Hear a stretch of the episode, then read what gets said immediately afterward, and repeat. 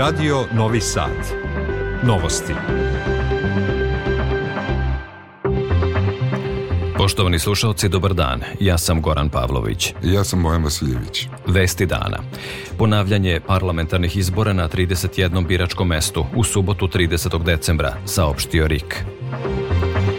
Brojna mesta u Vojvodini biće na mapi najboljih puteva u Srbiji, kaže predsednik Vučić. Produžen pritvor trojici Srba uhapšenih nakon sukoba u Banjskoj. Javni pozivi za energetsku sanaciju zgrada produženi do početka februara. Nagrađeni najbolji studenti Novosadskog univerziteta. U Vojvodini do kraja dana umereno oblačno, ali stabilno. Sutra sunčano sa temperaturom do 13 stepeni. Prema poslednjim merenjima u Novom Sadu je 14. Izgradnja brze saobraćajnice Osmeh Vojvodine, koja će biti izgrađena od Bačkog brega do Srpske crnje u dužini od oko 186 km, koštaće oko 2 milijarde evra, rekao je predsednik Srbije Aleksandar Vučić. On je obišao radove u blizini graničnog prelaza s Mađarskom kod Bačkog brega, koje izvodi kineska kompanija China State Construction, pripremila Branka Dragović-Savić. Izgradnja brze saobraćajnice pozitivno će uticati na povezanost opština i gradova Vojvodine, ali i na bolju povezanost Zapadnobačkog i Severnobanatskog okruga sa autoputem E75, a time i sa Novim Sadom, Beogradom i ostalim delovima Srbije, izjavio je predsednik Srbije. Vojvodinu smo uvijek mislili da je najrazvijeniji deo Srbije, onda se ispostavilo da imamo u centralnoj Srbiji značajno razvijenije delove od pojedinih delova, naročito Banata. I zato je ova saobraćenica važna, jer nam ceo severni Banat, dobar deo srednjeg i ceo severni Banat vezuje. Sad pogledajte kada vi izradite autoput Beograd-Zrenjanin, to vam diže ceo južni Banat. Vučić je istakao da posle izgradnje autoputa ili brze saobraćajnice dolaze investitori, navodeći da je potrebno još velikih ulaganja u putnu infrastrukturu u Vojvodini i celoj Srbiji. Velike pare u ovo ulažemo, to pokazuje koliko nam je stalo do ovoga da je Srbobrani Beče i Bočar i Kikindu i Novu Crnju, a i ovamo Vrbas, Pulu i Sivac i Krajićevo i Sombor stavimo na mapu brzih saobraćajnica, najboljih puteva u Srbiji, jer onda investitori dolaze. To je deo onoga što smo mi nazvali Expo 27, dakle nije Expo samo vezan za Beograd, već za celu zemlju. Potpuna rekonstrukcija i obnova. Potrebno nam je 10.000 km da uradimo, da obnovimo negde novih. 2 milijarde košta samo ova brza saobraćajnica ovde. Radovi na Vojvođanskoj brzoj saobraćajnici počeli su polovinom decembra, a bit će izgrađena na trasi granični prelaz sa Mađarskom Bački breg, Sombor, Kula, Vrbas, Srbobran, Bečej, Novi Bečej, Kikinda, granični prelaz sa Rumunijom, Srpska Crnja. Projektovana je na brzinu do 100 km na sat.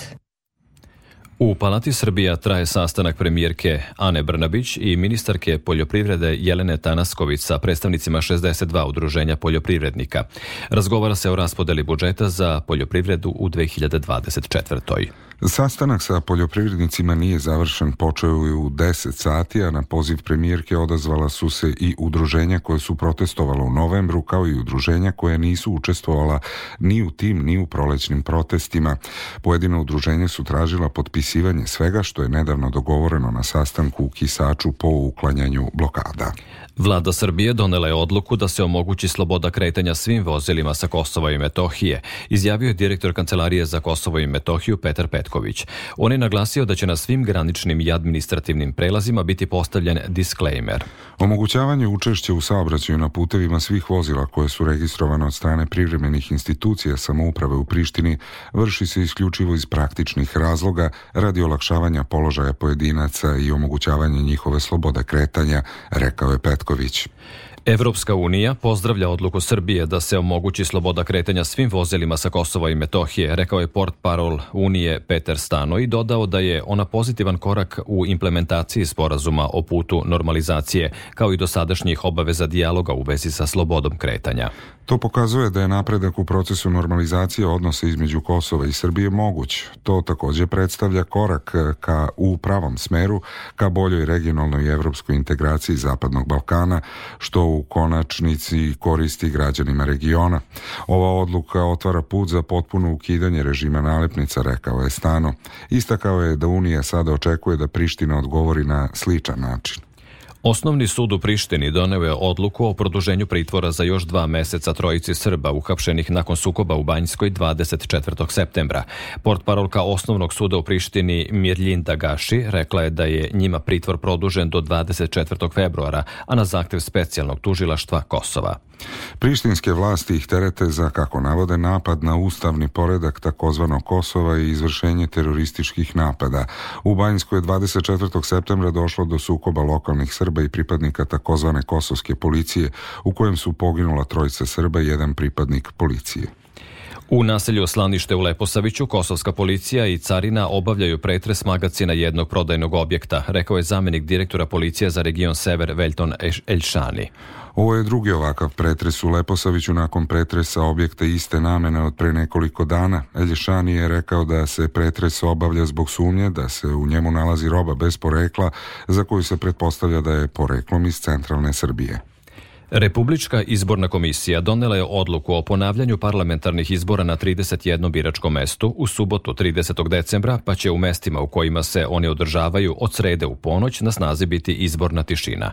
Građani će glasati od 7 do 20 časova kada se zatvaraju biračka mesta. Tokom izborne tišine zabranjena je izborna propaganda, održavanje predizbornih skupova na javnim mestima i objavljivanje procene izbornih rezultata. Ranije je RIK saopštila da će pravo glasa na ponovljenim izborima imati oko 15.000 glasača. Gradska izborna komisija saopštila je noćas da je Viši sud u Beogradu odbio još jednu žalbu koalicije Srbije protiv nasilja i time potvrdio stav komisije da nije nadležna za odlučivanje o poništavanju i ponavljanju izbora za poslanike Skupštine Srbije. Svet Palestinsko društvo Crvenog polumeseca tvrdi da je Izrael granatirao njihovo sedište u Kan Yunisu, gradu u južnom delu Gaze. Izraelske odbrambene snage saopštile su da su juče stradala još dvojica vojnika u borbama u južnom delu Gaze, čime je broj poginulih od početka kopnene ofanzive porastao na 158. Premijer Izraela Benjamin Netanjahu odbacio je medijska nagađanja o mogućem prekidu sukoba, te poručio da rat u pojasu Gaze nije ni blizu kraja i da će trajati dugo. Prema navodima Ministarstva zdravlja u Gazi, broj poginulih palestinaca porastao je na 20.674, dok je povređeno 54.536. Ukazuju da je zdravstveni sistem pred potpunim kolapsom, te da je više od 9.000 ljudi preminulo jer nisu mogli da imaju odgovarajuće lečenje. Odbrambene snage Ukrajine demantuju tvrdnje Rusije o zauzimanju Marjinke, izjavio je portparol zajedničkog prescentra odbrambenih snaga Aleksandar Štupun. On je rekao da se borbe za Marjinku nastavljaju, a da je grad potpuno uništen. Ministar odbrane Rusije Sergej Šojgu saopštio je u ponedeljak da je ruska vojska uspostavila potpunu kontrolu nad Marjinkom u predgrađu Donjecka. Komandant Ukrajinskog ratnog vazduhoplovstva Mikola Oleščuk izjavio da je Ukrajina izvela vazdušni napad na Fedosiju na Krimu i izneo tvrdnju da je u napadu uništen ruski desantni brod Novočerkask iz sastava Crnomorske flote. Izbegli se iz Ukrajine stižu na britanske aerodrome sa lažnim vizama i lažnim obećanjima porodica sponzora domovi za Ukrajinu nakon što su na meti ekstremno sofisticiranih prevara upozorile su humanitarne organizacije. Najmanje 160 osoba je poginulo, a više od 300 ljudi je ranjeno u najnovijim sukovima naoruženih bandi hrišćanskih poljoprivrednika i muslimanskih nomadskih stočara u više sela unutar Savezne države Plato u centralnoj Nigeriji. Neizmenični napadi započeli su nedelju, a borbe su nastavljene i u utorak ujutru zbog čega lokalne vlasti navode da će broj žrtava verovatno rasti, dok nigerijski mediji prenose da u pojedinim mestima i dalje odjekuju rafali. Istorija nasilja lokalnog stana stanovništva je duga, a vlasti su učinile malo da spreče dalje tenzije, navode organizacije za zaštitu ljudskih prava. Od vesti iz sveta za novosti još izdvajamo. Američki predsjednik Joseph Biden naredio je napad na milicije u Iraku koje podržava Iran nakon što su trojica američkih vojnika ranjena u napadu drona na severu Iraka. Proiranska grupa Kataib Hezbollah i njihove podružnice preuzele su odgovornost za napad dronom. Za svega nekoliko časova Biden je okupio nacionalni bezbednostni tim koji ga je obavestio o opcijama, a predsjednik Sjedinjenih država je odlučio da kao odgovor budu napadnute tri lokacije koje koriste Kataib Hezbollah i podružnice. Broj poginulih u eksploziji topioničarske peći za nikl u indonežanskom industrijskom parku Morovali povećan je na 18, saopštila je policija. Među žrtvama je osam stranih radnika, a uzrok požara koji se dogodio u nedelju još se istražuje. Eksplozija u industrijskom postrojenju na ostrvu Sulawesi dogodila se tokom redovnog održavanja peći. Prva eksplozija izazvala je druge, pošto je u postrojenju bilo mnogo boca sa kiselnikom koje se koriste za zavarivanje i rezanje komponenti peći. Francuska policija uhapsila je jutros 33-godišnjeg muškarca, osumnjičenog za ubistvo svoje supruge i četvoro dece u porodičnom domu u mestu Mo, severoistočno od Pariza. Uhapšeni otac porodice od ranije poznat policiji zbog toga što je 2019. godine nožem napao suprugu, ali je proces protiv njega obustavljen jer je ustanovljeno da je mentalno zaostao i da ima smanjenu sposobnost rasuđivanja. Osuđeni ruski opozicioni lider Aleksej Navalni rekao je da je stigao u zatvor koji se nalazi u arktičkom krugu na severu Urala i da se dobro osjeća. On je također rekao da ga je posetio advokat. Njemu se jedno vreme gubio svaki trag. Njegovi saradnici bili su zabrinuti jer ga nije bilo na spisku zatvorenika u regionu Vladimir 300 km istočno od Moskve, gde je prvobitno služio kaznu 30 godina zatvora. Mesto Harp gde Navalni služi kaznu nalazi se na 1900 km od Moskve. U nastavku novosti vraćamo se domaćim aktuelnostima. Grad Novi Sad ulaže značajne sume novca za obnovu i izgradnju domova penzionera. Osim grada, najstarije sugrađane pomaže i država. Od oktobra su povećane penzije za 5,5%, a nakon toga je svim penzionerima u Srbiji isplaćeno 20.000 dinara. Od januara će biti novo povećanje penzija od 14,6%, naveo je gradonačelnik Novog Sada Milan Đurić, koji je prisustvovao godišnjoj sednici Skupštine Udruženja penzionera grada. Detaljnije Milan Rakić. Briga o najstarijim sugrađanima je veoma važna jer su oni uvek bili uz državu, naglasio je Đurić. Grad brine o penzionerima sa najnižim primanjima kojih ima oko 5000, a vodi se računa i o socijalnom životu najstarijih. Naveo je gradonačelnik Milan Đurić. Nastavljamo dalje za banje, to oko 400 penzionera, mislim da na godišnjem nivou ide u banje i to su lepe stvari. Ono što ja ističem, da se družite, da se viđate, da ne budete odvojeni jedni od drugih. U prethodnom periodu u potpunosti je obnovljen novi dom penzionera u Kaću, a novi objekti namenjeni penzionerima izgrađeni su i u drugim prigradskim naseljima u Novom Sadu, istakao je Đurić. Radili smo Bukovac, Stepanovićevo, Kisač, Kovilj, Futog, poslednji objekat smo Ledinci otvorili, prelep objekat, stvarno prelep. I vreme nas je tad poslužio ali prelepi objekat. Mi smo na Sajlevu radili novi objekat, potpuno novi objekat mesne zajednice, gde ste i takođe vi pronašli svoj dom. U narednom periodu će biti obezbeđen prostor i penzionerima u Veterniku i Petrovaradinu. Grad će i u narednom periodu pomagati najstarije sugrađane u svakom pogledu, naveo je gradonačelnik Novog Sada Milan Đurić prilikom posjete udruženju penzionera grada i zahvalio se na izuzetno plodotvornoj saradnji koju grad ima sa penzionerima. U prostorijama Narodne kuhinje Crvenog krsta u Novom Sadu najmlađi sugrađani, čiji su roditelji korisnici programa Narodne kuhinje, obradovani su novogodišnjim paketićima. Opširnije Davorka Jelena Draško.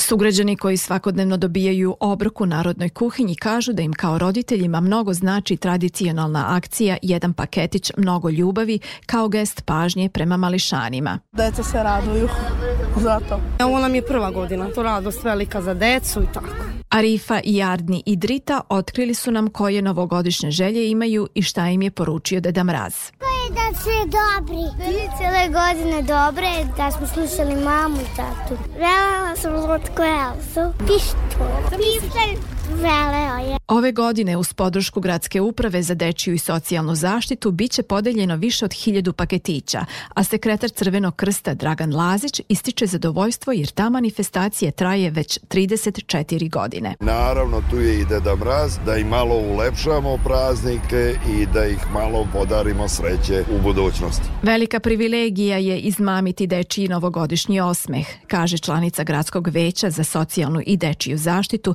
Danijela Kostić. Tokom ove nedelje ćemo i u svratištu za decu ulice praviti isto aktivnosti za ovakvu dečicu gde će dobiti i novogodišnji paketić, ali ne samo to, nego će učestvovati i u radionicama gde će oni praviti čestitke novogodišnje. Podsećamo, Narodna kuhinja Crvenog krsta u Novom Sadu funkcioniše od 1991. godine, a trenutno više od 600 korisnika svakodnevno dobija topli obrok. Najboljim studentima Univerziteta u Novom Sadu za studijsku 2022-2023. godinu svečano su uručene nagrade u rektoratu. Dodeljena su priznanja za najboljeg studenta univerziteta, studente generacije u pojedinim nastavno-naučnim oblastima, kao i priznanja za vrhunske rezultate na evropskim i svetskim takmičenjima. O tome Marko Brajković. Rektor Univerziteta u Novom Sadu, Dejan Madić, izjavio je prilikom dodele nagrada da je osnovni cilj univerziteta stvaranje boljeg okruženja kako bi se mladi stručnjaci zadržali u zemlji. Sva ova deca koji su bili odlični studenti posle su kandidati za nekog asistenta, docenta, vanrednog profesora ili istraživača na institutu, što nama jako važno. Nauka promoviše i obrazovanje i nema unapređenja obrazovanja bez nauke. Andrej Balaž, laureat nagrade Najbolji student Univerziteta u Novom Sadu sa prosečnom ocenom 10, završio je studijski program izvođačke umetnosti pod modul violina u klasi profesora Stefana Milenkovića. Nagrada student generacije iz oblasti medicinskih nauka pripale Angelini Vlaški. Dobitnici su istakli da im je nagrada podstrek za dalji rad i da se trud uvek isplati. Ova nagrada mi svakako mnogo znači jer ona je stvarno veliki pokazatelj da ono što sam se do sada trudio i radio je stvarno podržano. Veoma sam zahvalan i...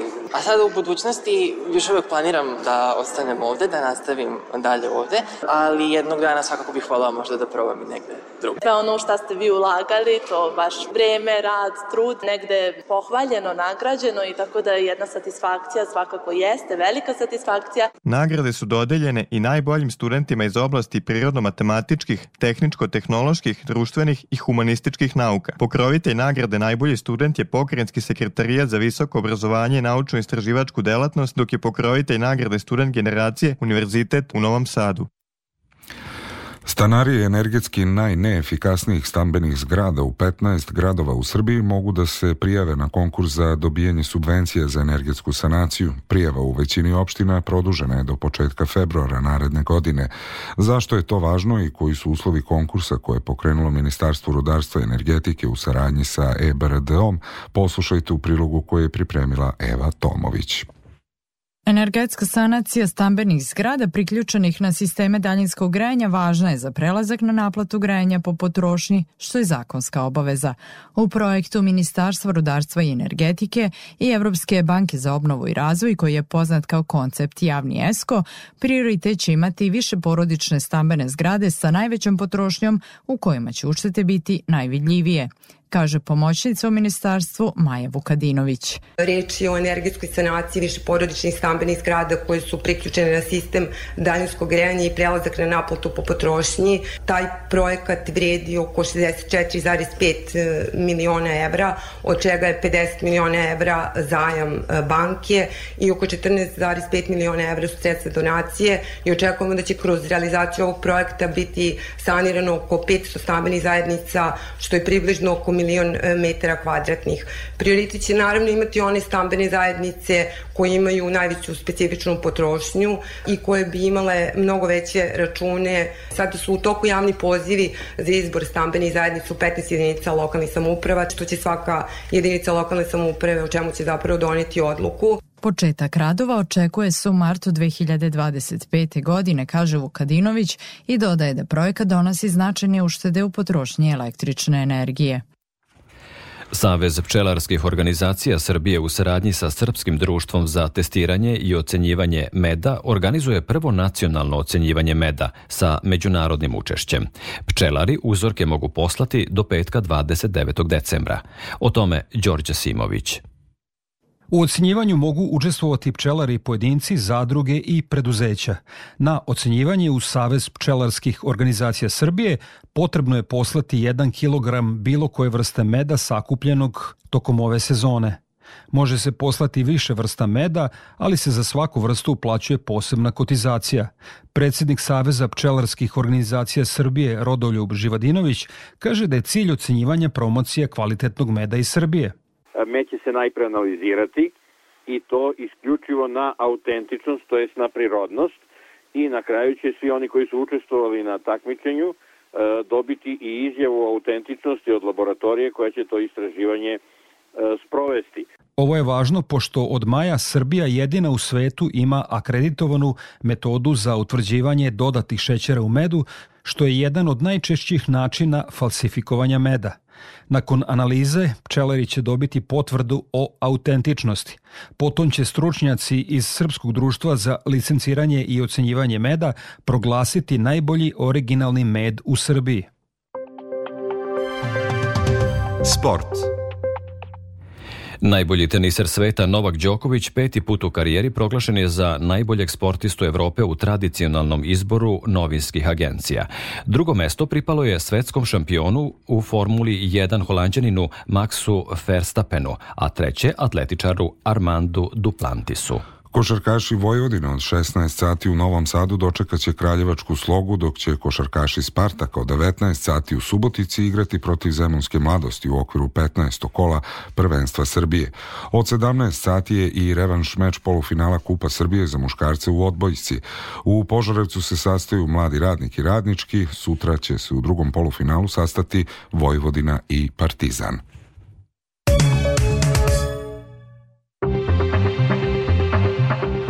Pred kraj emisije još jedno podsjećanje na najvažnije vesti. Ponavljanje parlamentarnih izbora na 31. biračkom mestu u subotu 30. decembra saopštio RIK. Brojna mesta u Vojvodini biće na mapi najboljih puteva u Srbiji, kaže predsednik Vučić. Produžen pritvor trojici Srba uhapšenih nakon sukoba u Banjskoj. Javni pozivi za energetsku sanaciju zgrada produženi do početka februara nagrađeni najbolji studenti Novosadskog univerziteta. Prema poslednjim merenjima u Novom Sadu je 14 stepeni, da čujemo i opširniju prognozu.